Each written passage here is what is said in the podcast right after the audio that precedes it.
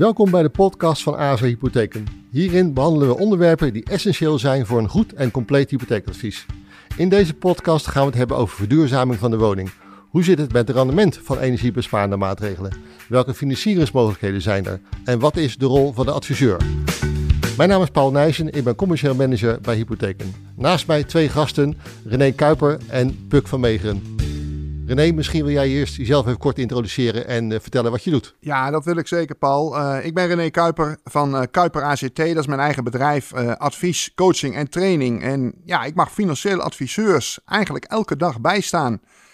ja, de, in de problemen waar ze tegenaan lopen. En dat is onder meer ook inderdaad het verduurzaamheidsproblematiek ja, rond de woning. En ik mag ze daarbij helpen en dat doe ik met alle plezier. Dankjewel René. Puk, misschien wil jij ook even kort introduceren? Ja, ik ben uh, Puk van Meegeren van Milieu Centraal. Uh, Milieu Centraal is bekend van als, als gids voor consumenten als het gaat over duurzame stappen in het dagelijks leven. Ja. Uh, ik hou me bezig met het onderwerp energie in huis vooral, ook mobiliteit. We zijn er voor consumenten, maar ook wel voor hypotheekadviseurs, makelaars, mensen die werken in de bouwwinkel. Want we, we geven ook uh, trainingen voor dat soort medewerkers, zodat ze ja. op een goede manier consumenten kunnen informeren. Oké, okay, nou fijn dat jullie er zijn. Puk, misschien eerst even een, een, politiek onderwerp. We hebben gehoord dat het Bureau voor de Leefomgeving heeft aangegeven dat verduurzaming zeker niet voor alle huishoudens interessant zou kunnen zijn, vooral financieel interessant zou kunnen zijn. Hoe kijken jullie daar vanuit jullie organisatie naartoe? Ja, Milieu Centraal kijkt er toch wel iets anders tegenaan. Uh, we waren vooral verbaasd dat de conclusie was dat isoleren en beter ventileren, dat dat financieel nooit uit zou komen. Ja. Uit onze rekenmodellen komt toch wel uit dat zeker als je nog nergens isolatie hebt, dat die stap naar goede isolatie echt wel loont. Ja. Uh, en uh, het gaat natuurlijk ook om het klimaat en het wooncomfort ja. en gezonde binnenlucht. Dus ja, wij zouden zelf zo'n bericht wel anders neerzetten. Ja. Uh, maar we willen ook niet ontkennen dat het om forse investeringen gaat. En de vraag die mensen hebben is gewoon heel reëel. Oké, okay, als ik geld uh, aan besteed, wat levert het dan ja, op? Nou ja, dan, dat die is vraag, een terechte vraag. Ja, over die vraag komen we zo zeker nog even te spreken. Uh, Pukko, even met jou ook als eerste vraag te beginnen. welke rol is er volgens jou weggelegd voor adviseurs en geldverstrekkers bij dit onderwerp, bij verduurzaming?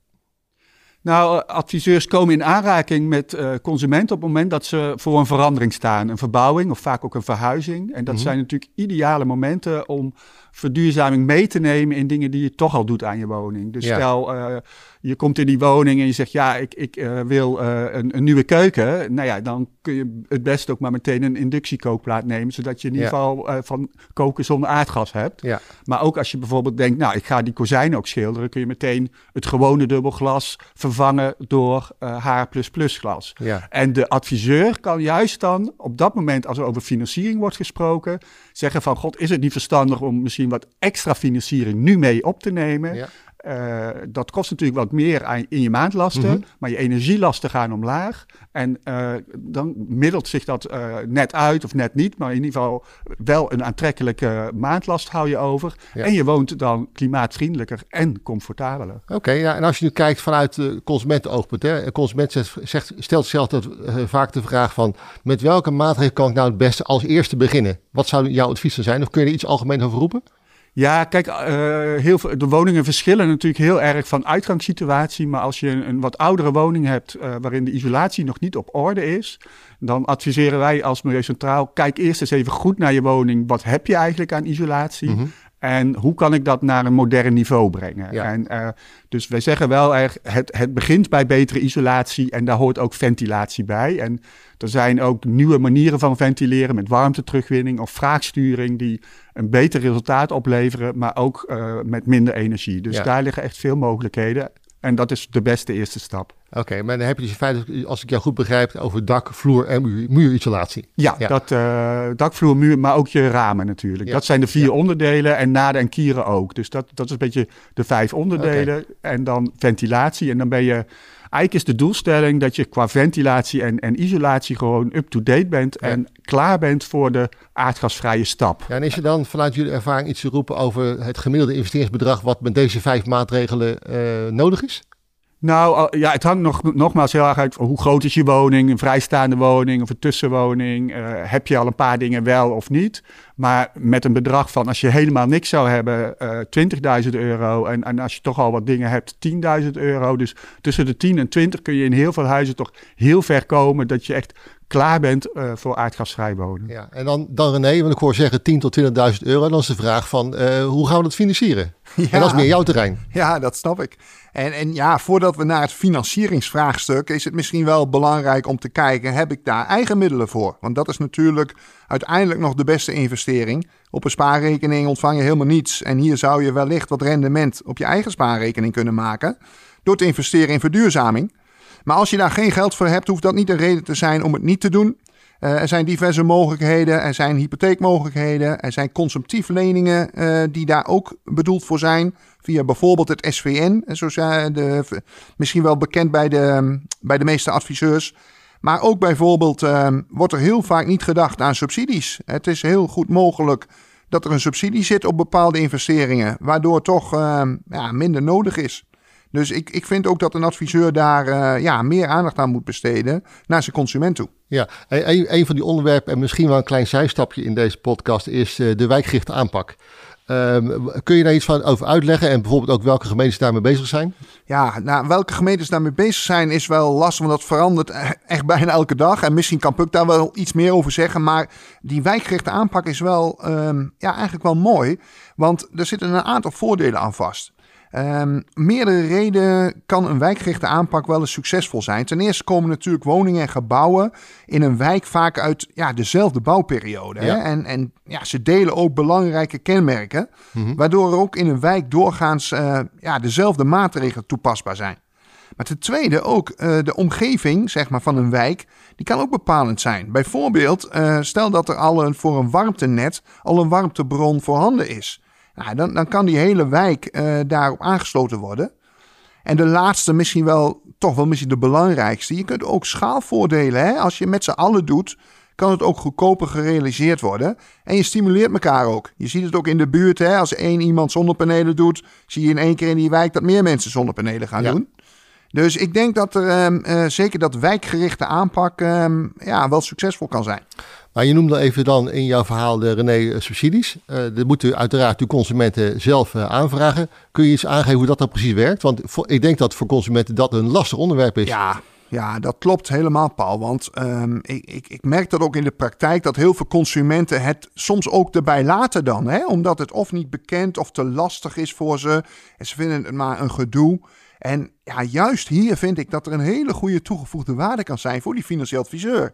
Als je toch uh, de financiering regelt, ga dan ook samen met die consument kijken. Hè? Je bent niet meer alleen afhankelijk van het afsluiten van een product zoals we dat vroeger hadden. Mm-hmm. Je bent echt adviseur. Je bent echt ja, coach voor die klant. En help ze dan ook met uh, dit soort werkzaamheden. Ja, ja. Nu, nu bieden wij als ASR in uh, de meeste uh, renteaanbiedingen die wij uitbrengen standaard 9000 euro depot aan om daarin verduurzamingsmaatregelen te financieren. kun je ook aangeven wat je daar bijvoorbeeld voor zou kunnen doen? Of ja. misschien is dat een vraag voor Puk. Is dat past bij jou misschien beter, Puk? Ja, ik heb daar wel een goed beeld van. Ja. Nou, veel huizen hebben bijvoorbeeld nog geen vloerisolatie op de begane grond en, en geen uh, uh, gevulde spouwmuur, dus met een, een ongeïsoleerde buitengevel. Ja.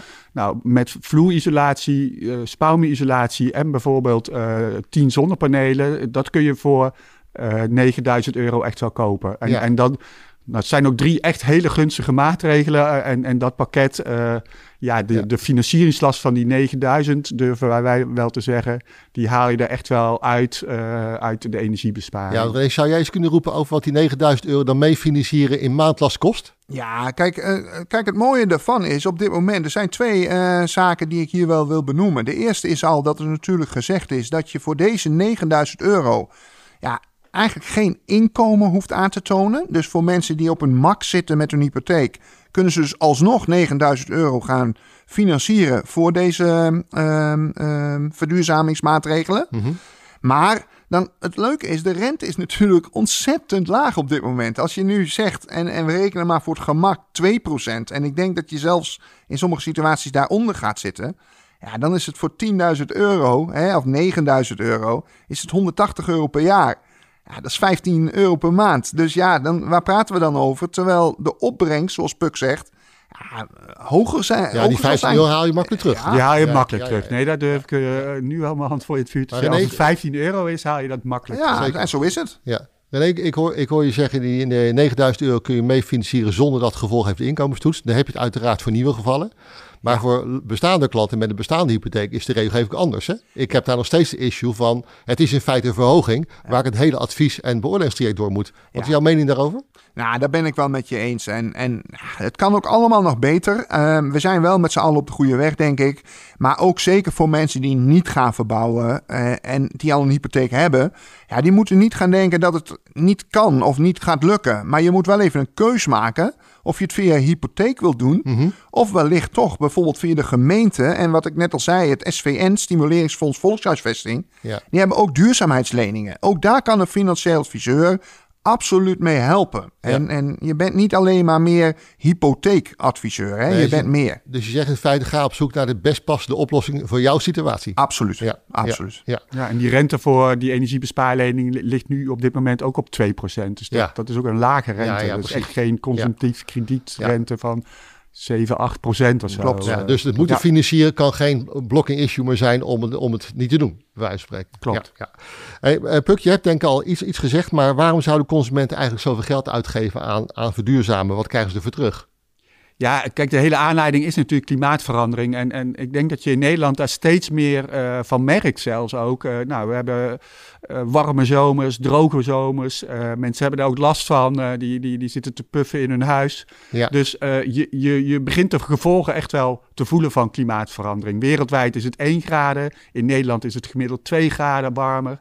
En ja, het is toch echt belangrijk eh, om daar iets aan te doen. En eh, als consument kun je heel veel. Ja. En voor je woning kun je zeker heel veel. Want het energieverbruik van woningen is ongeveer 15% van de uitstoot in Nederland. Ja. Dus ja, het, het is, als je dat echt fors gaat terugdringen, dan kun je als, als consument echt een steentje bijdragen. Ja, dus dan kunnen we echt stappen zetten met elkaar. Precies. Ja, zeker. En, en het Zeker. andere voordeel, het he- levert ook voor jezelf iets op. Hè? Dus dat wooncomfort in de winter, maar ook in de zomer, koeler in de zomer.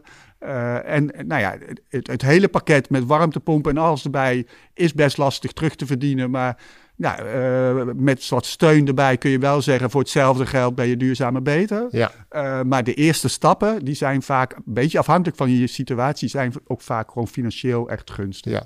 Hey, René, eh, je wooncomfort en, en milieuwinst zijn de twee belangrijke aspecten. Maar schat je ook in dat als een klant maatregelen treft hè, en dus zijn woning gaat verduurzamen, dat die woning daardoor ook meer waard wordt?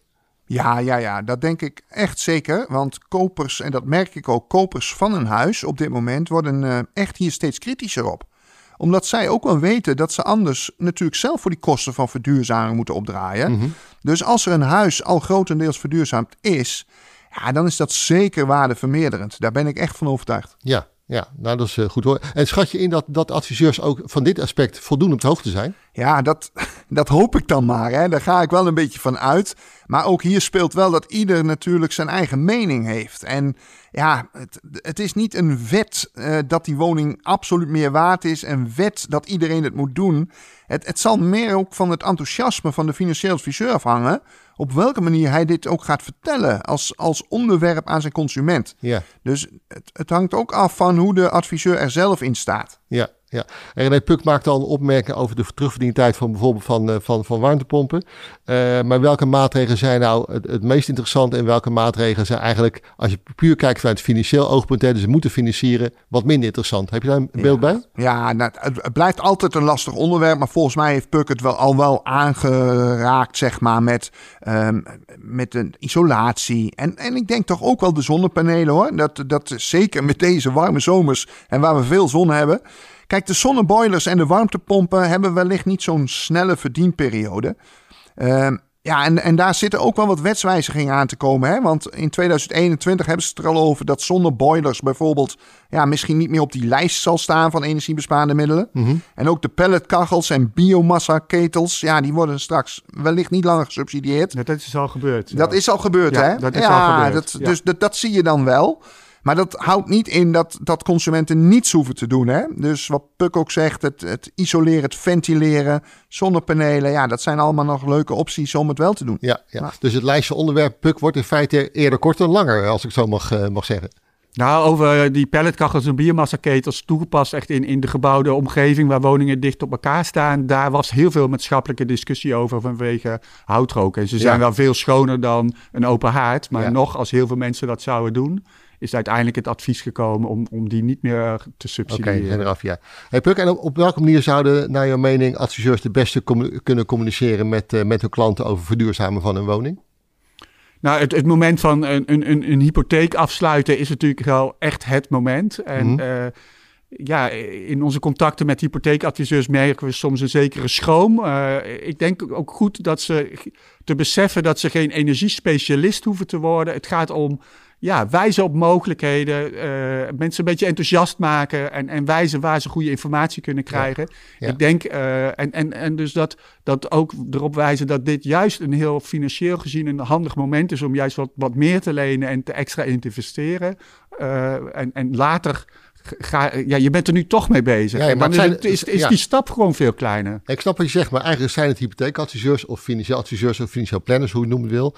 Maar uh, uh, spreek je nu in feite ook een pleidooi uit omdat zij ook zich gaan bezighouden met milieuvoorlichting? Ja, en dan hoeven ze er geen, nogmaals geen specialist in te worden. Maar ik denk, uh, het, het, het, gaat ook niet per se om het hele milieuverhaal, maar mm -hmm. dat ze in ieder geval goed weten van uh, nou, wat speelt uh, in die woningmarkt? En dit komt uh, op mensen af. Dus het is gewoon een goed advies om, hoe dan ook, komt die verduurzaming op je af. dus ga ermee aan de slag. En als je het nu doet, kun je heel veel kosten besparen. Want ja. als je werk met werk combineert, hè, want je bent toch aan het verbouwen als je gaat verhuizen. Werk met werk combineren is vaak veel gunstiger. En, en, en, en je hebt de financiële mogelijkheden, kun je creëren.